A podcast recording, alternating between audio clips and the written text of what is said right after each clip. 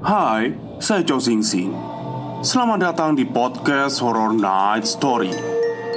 Pasang telinga, buka pikiran, dan biarkan rasa takut merayap di dalam dirimu. Selamat mendengarkan.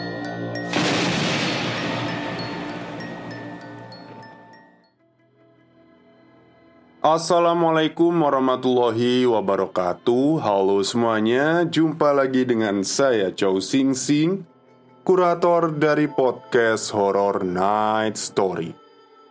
Halo apa kabar semuanya? Semoga kalian semua sehat-sehat ya.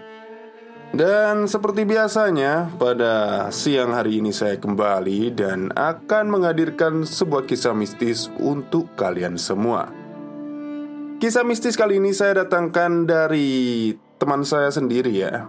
Jadi kemarin kami sempat ketemu terus ngopi gitu ya. Kebetulan teman saya ini, ini teman SMA Tapi eh, jauh lah dari rumah saya. Beda kecamatan gitu sama rumah saya. Kalau jaraknya sih ya sekitar setengah jaman ya. Soalnya rumahnya ini agak desanya ya maksudnya. Desanya ini agak masuk-masuk gitu ke tuang-tuang gitu. Tuang-tuang itu kayak sawah gitu ya sawah-sawah kayak tebu gitu. Jadi uh, karena ceritanya ini tidak saya tulis uh, langsung aja kita ceritakan secara spontan aja ya yang ya udah ya saya saya ingat ini gitu. Kita ambil dari sudut pandangnya si Dani ini Ya, nama samaran lah pastinya. Jadi si Dani ini eh, di desanya itu ada seorang nenek-nenek. Umurnya itu sekitar 70 tahunan lah. Dia itu jualan kayak gorengan-gorengan gitu, kayak jadi kayak dipikul sama keranjang gitu ya terus ditawarin dari rumah ke rumah gitu di desa itu. Ada donat ya macem-macem lah. Nah suatu hari si Dani ini kan lagi touring. Jadi nggak tahu informasi apa pun yang ada di desanya. Terus akhirnya pulang dari touring itu malam sekitar jam 12-an naik sepeda motor dong naik sepeda motor. Pas waktu lewat tuang-tuang itu dari kejauhan kok kayak ada orang jalan ya jalan menuju rumahnya gitu. Maksudnya bukan rumahnya jalan menuju desanya gitu. Bawa keranjang. Oh ini D ini. Panggilannya D loh D mau ke mana gitu kan? Pulang. Loh Kok jualan sampai malam-malam? gitu kan Kata si Dani ini. Iya Cuma ngomong gitu aja. Terus akhirnya ya udahlah dibarengin lah si D ini. Dibarengin sama Dani Sampai ya perjalanan itu pulang. Diajak ngobrol sama si Dani. Loh deh kok jualannya sampai keluar desa? Biasanya kan nggak sampai keluar gitu kan Nak eh, nggak uh, laku-laku di desa jadi D mau jualan keluar barangkali ada yang laku. Habis tadi barang uh, gorengannya gitu kan. Ya alhamdulillah ini tinggal tiga OTOT gitu kan. Oke lah. Sampai di pintu masuk gitu ya kayak kayak gapura gitu. Gapura itu desa itu sepeda motor mogok. Sepeda motor mogok. Nah, kebetulan di Gapura itu kan ada pos ya. Pos Yandu, eh kok pos Yandu? Pos ronda maksud saya, pos pos ronda. Nah, dilihat itu sama Dani kok sepi gitu kan. Gak ada orang, biasanya kan pasti ada muda-mudi lah entah main kartu atau gimana gitu main Mobile Legend atau apa gitu kan. Kok sepi banget gak ada orang gitu kan. Nah akhirnya kan sepeda itu kan didorong sama Dani sampai di pos itu. Si D ini akhirnya disuruh duduk di pos itu sama si Dani. D duduk sini dulu aja saya sambil ini memperbaiki sepeda biar bisa jalan. Oh iya nak gitu kan. Diperbaiki itu tapi kayak Dani tuh ngerasa kok kayak sunyi gitu ya. Maksudnya itu gini. Nggak ada obrolan sama sekali. Padahal D ini kalau di desa itu terkenal ya udahlah ceriwis gitu ya. Terus ditanyain ya basa-basi lah si Dani. Anaknya belum pulang deh. Anaknya kan kerjanya di Jakarta ya Belum gitu kan. Jadi di rumah ini dia ini sendirian. Buat jajan juga sendirian Buat gorengan atau apa Terus dijual lagi itu sendirian Oh mungkin Anu ya deh di sana kerjanya sibuk. Iya nak. Pokoknya jawabannya singkat-singkat gitu. Si nenek tua ini. Nah singkat cerita akhirnya sepeda nggak bisa tetap jalan. Maksudnya nggak nggak bisa jalan gitu. Karena dan ini capek ya udahlah dudukan aja lah di pos ronda itu tadi. Duduk-duduk sama D gitu kan. Terus si D ini nawarin kamu haus gitu kan. Oh iya D ini loh aku bawa ini apa kayak teh gitu kan. Tehnya itu diplastikin gitu loh saya jadi kayak ya udah tes diplastikin gitu aja ya. Dijual kalau katanya Dani sih 2000-an itu. Oh iya ini yang dikasih. Diminum ya rasanya rasa teh gitu. Ngobrol lama gitu.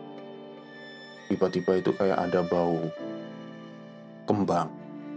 Baunya sih kembang melati. Lewat sering gitu. Nah, si Dan ini merinding kak Saya juga merinding Si Dan ini merinding. Nah, Deh, sebentar ya. Ini kayaknya saya perlu telepon orang rumah gitu kan. Biar dijemput Biar dia juga bisa pulang istirahat Kasian gitu kan.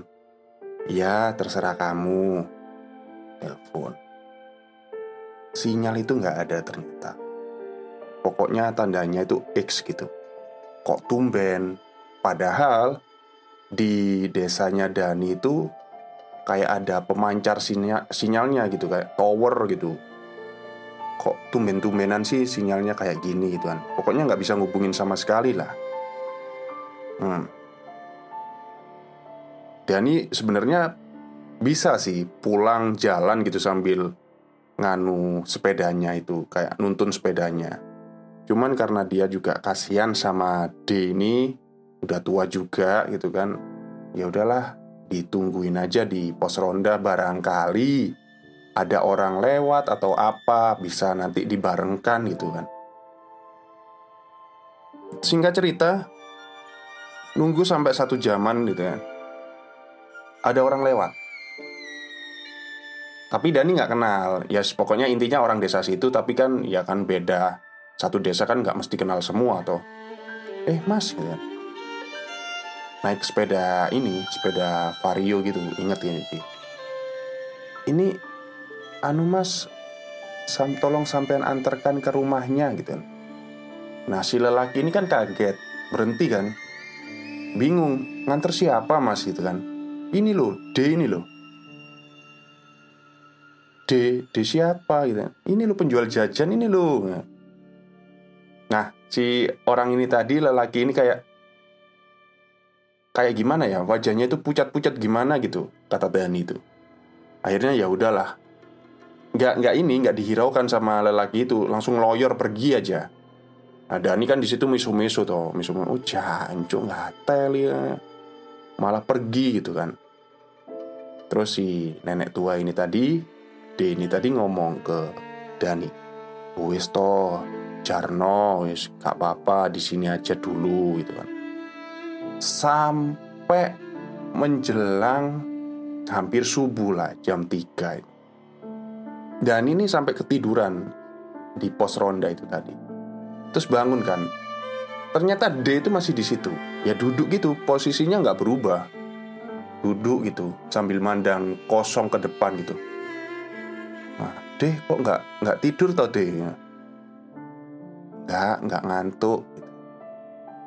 ya udahlah kamu nggak mau makan tak perutmu nggak lapar. Ini loh masih ada UT-UT gitu kan. Ya karena Dani tadi pulangnya nggak makan akhirnya ya udahlah mau aja lah. Terus dibayar sama si Dani. Ini deh gitu kan. Nggak mau. Udah buat kamu aja wong. Ini barang sisa kok. Daripada nggak kemakan nanti. Oke. Nah di sini tuh kayak si Dani tuh inisiatif buat ngotak-ngatik sepedanya lagi kan Pas di otak atik, alhamdulillah ternyata bisa bisa nyala sepedanya. Wah deh, alhamdulillah bisa nyala. Ayo deh, saya anterin pulang dulu. Gitu. Pulanglah ke ini, dianterin lah ke rumahnya itu si D ini. Dianterin. Nah si Dan ini kaget. Kok rumahnya gelap, gitu kan? D, kok rumahnya gelap, gitu kan? Iya, wong D jualan kok. Ya masuk akal sih. Cuman si Dan itu ngerasa kayak gini. Biasanya uh, Itu lampu depan itu mesti nyala gitu loh.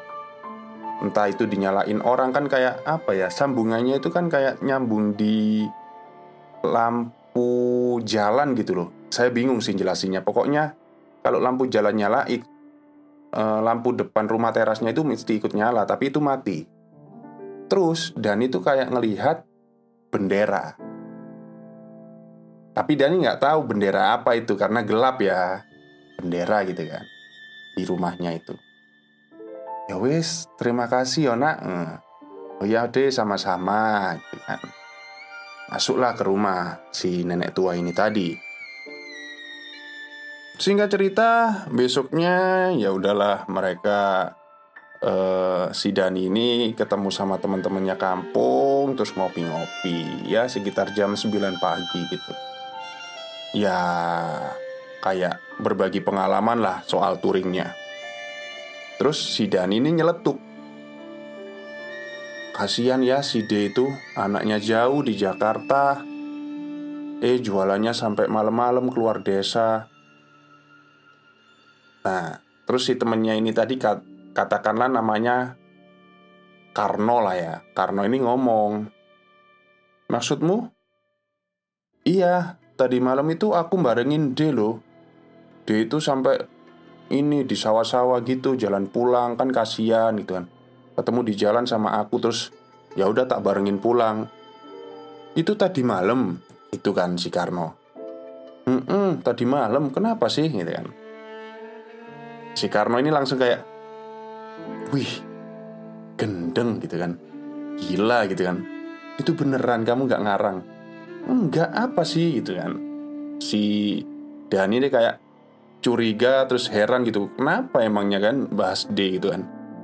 Nah si pemilik warung ini tadi juga ikut nimbrung. Duh temen Thomas Dibarengi sama D. Iya. Ya Saya nggak bisa ngomong sih mas ya Coba nanti kalau pulang sampean lewat depan rumahnya D Nah karena si Dani ini kayak penasaran ya, ada apa sih? Itu kopinya nggak dihabisin, langsung cepet-cepet. Ya wis lah, aku mau pulang dulu aja. Si Karno ini juga nggak jelasin gitu loh. Takutnya kayak dikira bohong atau apa. Lewat depan rumahnya si D ini tadi. Ternyata bayangan bendera yang dilihat tadi malam itu adalah bendera kematian. Jadi bukan bendera kuning ya, bendera yang ada lambangnya ambulan itu loh, apa salib itu loh ya, merah itu. Nah kalau di desanya Dani kan ada, kalau ada lambang itu kan berarti ada orang meninggal di situ kan. Si Dani masih nggak percaya kan, akhirnya tanya, pulang tanya ke bapak ibunya. Loh, bu, D itu meninggal langsung gitu kan. Iya, kenapa gitu kan? Kok kamu kayak kaget? ya udahlah dari situ itu kayak lemas, merinding gitu ya, duduk gitu kan. Aku tadi malam itu barengin D pulang. Jadi ketemu D di sawah-sawah di jalan sawah, terus ya udah pulang ke desa itu tadi. Ya kaget semualah keluarganya termasuk bapak ibunya. Waduh ya. Ya udah katanya bapaknya itu ngomong, itu sepedamu cuci dulu, cuci kembang tujuh rupa gitu kan katanya bercandanya si bapaknya itu. Ya, akhir cerita sih memang si Dan ini kayak masih shock ya. Sampai sekarang pun masih kayak nggak percaya. Soalnya kejadiannya ya sekitar dua mingguan lah. Masih baru masih fresh gitu kan dan setelah kejadian itu selama apa ya setelah mengalami kejadian itu dia nggak berani keluar rumah itu di atas pukul 9 jadi kalau ngopi ya habis maghrib nanti pulang jam 8 jam setengah 9 gitu. Pokoknya nggak berani dulu lah. Takutnya itu loh disapa sama Hai si nenek tua itu tadi. Oke mungkin itu aja ya cerita singkat dari kawan saya Karena memang tidak saya tulis Jadi ya saya ceritakan secara spontan. Dan yang saya ingat memang itu kejadiannya. Oke mungkin itu saja cerita pada siang hari ini. Bagi kalian yang punya cerita mistis atau pengalaman mistis Silakan kirim di komunitas arwah at gmail.com yang ada di deskripsi ya emailnya Jadi bisa berupa tulisan atau rekaman suara. Oke mungkin itu saja untuk hari ini. Selamat siang dan selamat beristirahat